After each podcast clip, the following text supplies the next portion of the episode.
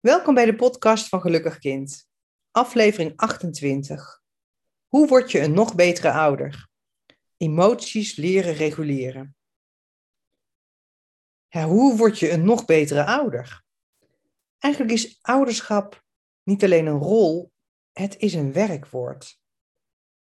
Ouderschap vraagt om een relatie met je kind aan te gaan. Word niet boos of bang van emoties van je kind. Vanuit een relatie sta je je kind bij in zijn emoties. En zie emoties als een fase. Geef het kind vertrouwen dat het door deze fase heen komt. En dat is eigenlijk hoe emotieregulatie werkt. In het begin van zijn leven heeft je kindje hier heel hard bij nodig. En als je kind ouder wordt, zal het de emoties bij de juiste ondersteuning zelf kunnen reguleren. Reageer op zijn angst en boosheid en leer je kind om emoties te accepteren en te luisteren wat de emoties te vertellen hebben. Alle emoties willen gehoord en gevoeld worden. Open de deur en accepteer dat deze emoties nu even een onderdeel van zijn leven is. Als je dit niet doet, leer je je kind zijn emoties te onderdrukken. En dit is absoluut niet hetzelfde als emotieregulatie. Emoties zijn oké. Leer kinderen dat ze oké zijn en leer ze dat ze weer voorbij gaan.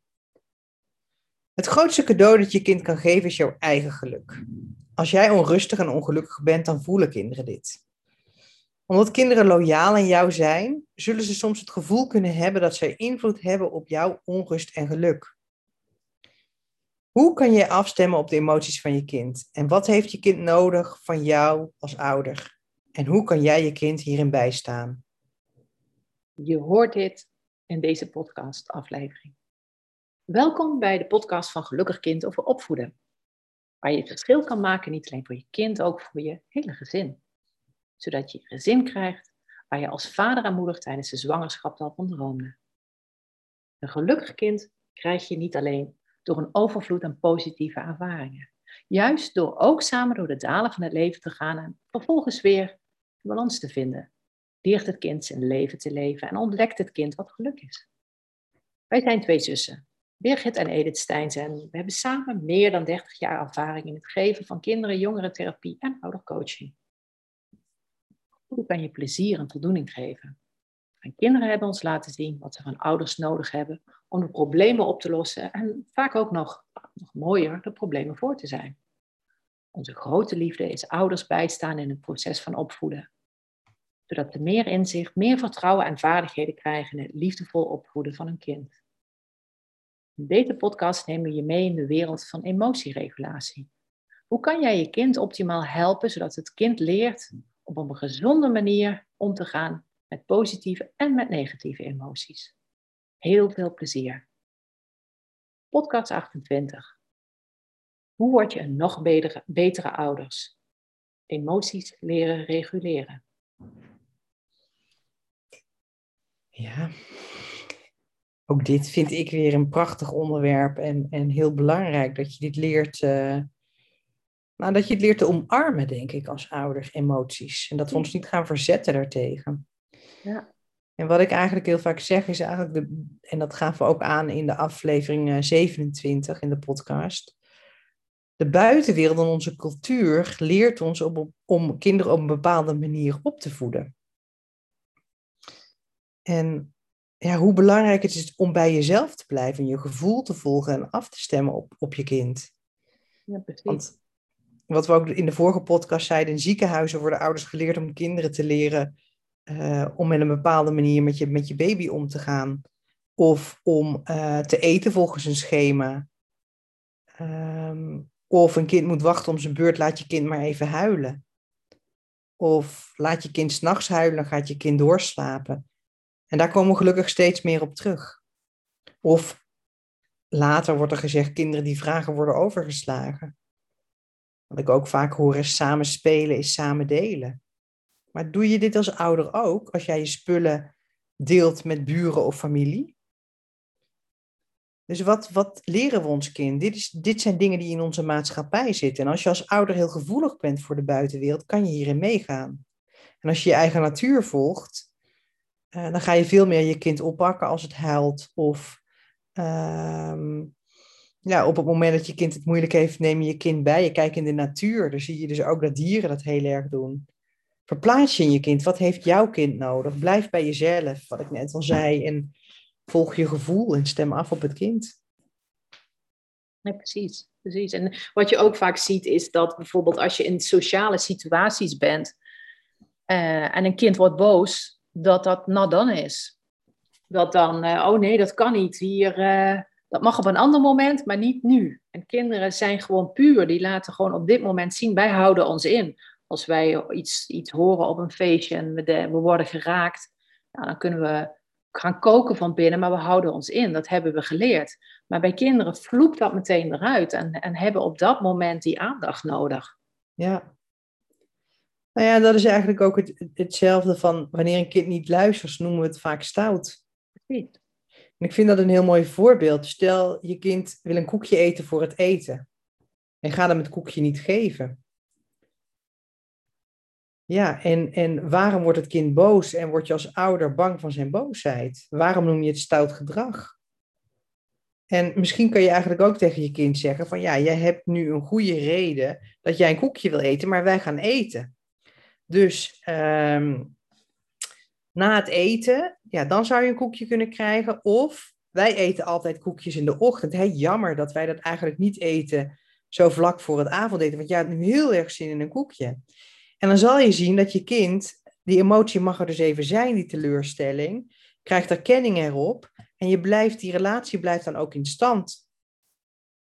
Ja, moet, moet nog denken aan vorige week hier op straat, Birgit. Dat uh, een, eh, een, moeder met drie kinderen. En die had uh, zelfgebakken koekjes. Die gaf ze aan een buurjongetje en haar eigen drie kinderen. En heel lief van, wil je ook een koekje? En ik bleef kletsen daar. En opeens kwam er een buurmeisje naar buiten met een ijsje. Nou ja, als het mooi weer is en kinderen gaan de dag daarna op vakantie, dan willen die natuurlijk ook een ijsje. Waarop dat andere jongetje, dus ze had de drie kinderen en nog een, een jongetje, waarop dat andere jongetje naar binnen rent en aan vader een ijsje vraagt. Die komt ook met een ijsje naar buiten. Dus er waren de, de drie kinderen van die moeder en twee buurkinderen die allebei een ijsje hadden. Nou, waarop uh, een kind van hun zegt: Mam, ik mag ik ook een ijsje? Het is mooi weer, dus ik mag een ijsje. En waarop, waarop mijn moeder al bij het gezicht zag van, oh nee, hier gaan we weer. En die reageerde eigenlijk echt heel kort af van, nou, nu niet, uh, ophouden daarmee, je krijgt geen ijsje. En uh, toen keek ze mij aan en toen zegt ze van, ja, dat doe jij natuurlijk op een andere manier. En toen zei ik, ik zeg van, mag ik anders reageren? Vind, je dat oké? En zegt ze, vind ik wel leuk om te zien. Dus ik zei tegen, tegen de, mijn buurjongetje, toen zei ik, ik zeg, die zien er zo lekker uit. Het zijn twee verschillende ijsjes. Ik zeg, ik denk dat jouw, jouw buik en jouw mond ook zoiets hebben van, oh, ik wil ook een ijsje nu. Ondanks dat je net een koekje gehad hebt, wil jij ook een ijsje. Ja, ja, ja. Hè, wat balen dat jij net dat koekje gehad hebt. Dat je net al iets lekkers zoets gehad hebt. Had je, had je misschien eigenlijk eerder voor een ijsje willen kiezen? Of had je dat koek, wat had je kunnen willen kiezen als je een koekje en een ijsje had? Nou ja, toch voor, voor dat ijsje had hij, had hij gezegd. Ik zeg, maar het koekje was ook lekker. Ja, het koekje was ook lekker. Maar denk je echt dat je geen ijsje meer krijgt? Jullie gaan morgen op vakantie. Zou je vast nog een ijsje voor mama krijgen? Ja, dat denk ik wel. En eigenlijk voel je nu al hoeveel zin je hebt als je over één, twee of drie dagen weer een ijsje krijgt. Ja, ja, ja.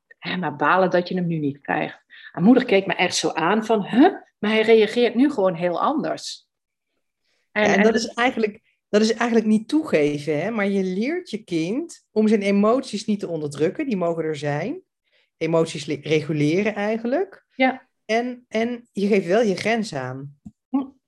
Die, kan, die kunnen natuurlijk heel goed samen. En als je en die, primair je grens aangeeft, alleen maar dat iets niet mag, ja, dan krijg je weerstand. Want dan heb je echt zoiets, ja, dag, leuk dat je zegt dat ik geen ijsje nu mag, maar ik heb er echt trek in. Dus het kind wil eigenlijk gezien worden in wat er speelt in zijn lichaam op dat moment. In zijn emoties. Ja. Geeft erkenning en dat is niet hetzelfde als gelijk geven. Maar ga hier maar eens mee experimenteren. Daar wil ik eigenlijk alle mensen die luisteren uh, toe uitdagen. Om dit eens te gaan toepassen. En het werkt. Ja, en, en, Dan overdreven. zoals, we in het, zoals natuurlijk in het boek ook beschreven wordt, van let ook op in het boek De Volgende Stap in Opvoeden. Van let op dat je het niet zegt van ik zie dat je er zin in hebt. Nee, dat je zegt van je hebt er echt zin in. Hè? Dus dat je het niet vanuit de ik-boodschap, maar vanuit je je-boodschap aangeeft. Zodat het kind zich echt ook aangesproken voelt. Niet ik, maar echt je. En dan pak je hem echt veel mooier op. Dus luister nog een keer terug. Spoel nog een keer terug. En luister hoe ik dat gedaan had bij de buurjongetjes. En, uh, en mocht je zeggen van, uh, ik wil er meer over leren, dan kun je lezen in het boek. Maar in de training komen we hier volop terug, Birgit. En dat is zo mooi om te zien dat ouders dit oppakken. Dat ze zeggen, ja, het verandert gewoon enorm. Ja, mooi hè? Ja. Wat, wat ook is, als ouder ben je ook wel eens een afwezige ouder. Je, je staat niet altijd aan. Uh, en dat is best wel eens lastig. Um, als ik nou eens naar mezelf kijk, vorige week zijn we toevallig een weekje op vakantie geweest. En ik uh, moest echt nog afschalen van, van mijn werk. Want we gingen redelijk snel nadat ik gestopt was met werken op vakantie. En um, mijn partner had het zelf, dus we moesten beide echt even bijkomen. En kinderen willen gewoon aandacht, willen spelletjes spelen, ook als ze ouder zijn, ook als ze tieners zijn. En uh, wat je dan geneigd bent, is om jezelf terug te trekken oh wacht, als ik dan eventjes ergens heen ga. En hoe jonger de kinderen zijn, hoe lastiger dat is als jij je terugtrekt. Dan kan je veel beter eerder eerlijk zeggen, um, ik heb het even nodig om tot rust te komen en dat heeft niks met jou te maken. Die boodschap is heel belangrijk, want kinderen zijn loyaal aan jou en kunnen het vaak op zichzelf betrekken. Doe ik iets verkeerd, waardoor mijn ouder zich terugtrekt of even geen tijd voor me heeft? Benoem het. Dit is even van mij. Ik heb hard gewerkt. Ik heb het even nodig om tot rust te komen. Ik kom zo meteen, heb ik wel weer energie voor jou. Dus blijf dat benoemen. Wees duidelijk in je communicatie en onschuldig het kind. Geef aan dat je kind niet het gevoel krijgt dat het de schuld heeft van jouw gedrag. En dat zorgt ook dat die emotieregulatie van je kind veel meer in balans is. Want doordat je kind zich, door, je, door die loyaliteit, kan een kind zich ook schuldig gaan voelen of rot gaan voelen. En laat ineens ook vervelend gedrag zien, terwijl jij je ook al niet zo heel fijn voelt. Het heeft een wisselwerking op elkaar. Nou, het zijn die spiegelneuronen waar we het natuurlijk ook iedere keer over hebben. En het stukje opvoeden, omgaan met emoties, maar ook die, die in de vorige podcast, die relatie. Maar het heeft, het heeft heel veel linken en het heeft ook met de spiegelneuronen dat we 100 eh, miljard spiegelneuronen in ons hoofd hebben. Een ander doet wat jij doet. Soms doen we echt letterlijk hetzelfde. Dat zie je nou ook met de podcast opnemen. De ene wrijft even over zijn voorhoofd en de ander doet het ook bijna tegelijkertijd. Het, ja, dat, er gaan dingen automatisch zonder dat we er.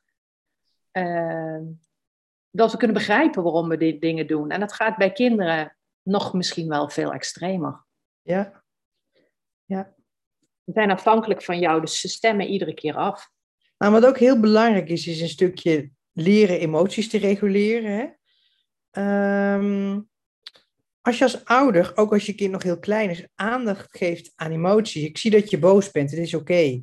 Je zal zien dat het kind na vijf minuten rustig wordt. Dus durf daarbij stil te staan. Ga het niet. Wat, wat ik wel vaker om me heen zie is. Uh, oh, praat er maar overheen. Je kind afleiden. Kom, we gaan schommelen. Uh, nee, geef even aandacht aan die emotie en leer je kind ook dat een emotie er is en weer verdwijnt. Wel nog een belangrijke aantekening daarbij, Birgit. Dus als je zegt van, uh, uh, ik zie dat je boos bent, of je bent boos, is nog mooier. Mm -hmm. uh, het is oké. Okay, dan is het wel belangrijk dat je dat ook van binnen voelt. Dus dat de manier wat je zegt en hoe je denkt en hoe je je voelt, dat dat hetzelfde is. Want als dat iets anders is en je zegt maar omdat wij zeggen dat je dat moet zeggen, maar van binnenin voel je jezelf koken, ja, dat voelt een kind ook. Ja.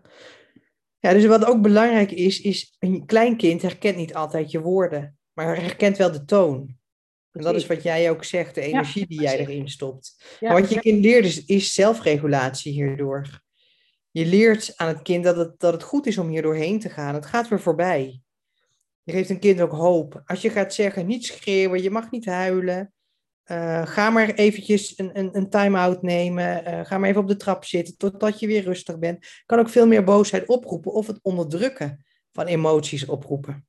Nou, wat je, wat je hebt, emoties, en dat weet je van jezelf. Denk, denk maar eens aan, aan bepaalde emoties. Als je ze niet uit, prop je ze, krop je ze op en worden ze heftiger. Als je ze uit en als daar even een goede huilbui of, of wat dan ook, of boosheid, bij komt, dan, dan, dan worden ze zachter. Dan, dan ga je er doorheen. Het is eigenlijk net als, als door een storm heen gaan. Op het moment dat je een emotie hebt en die mag er niet zijn en je drukt hem weg als een bal die je naar beneden drukt, komt er veel meer kracht. En dan kan er woede en boosheid. Dan moet je eerst door de woede en boosheid heen en dan door de emoties heen. Dus je maakt het alleen maar erger. Je geeft eigenlijk veel meer ruimte om nog door heftigheid heen te gaan. En dat zie je bij kinderen, dat vind ik altijd zo mooi. Kinderen die boos zijn. Dat uh, op het moment dat ze de boosheid mogen laten zien, dan op een gegeven moment kruipen ze bij, kleine kinderen kruipen bij jou op schoot en dan gaan ze huilen. Dus dan zie je dat ze door die boosheid, door die, die, die donderwolken heen zijn gegaan. Dan gaan ze door de orkaan heen. En dan zitten ze uiteindelijk met, door de orkaan heen met huilen. En dan zitten ze uiteindelijk in het rustpunt van het oog van de orkaan. Ja.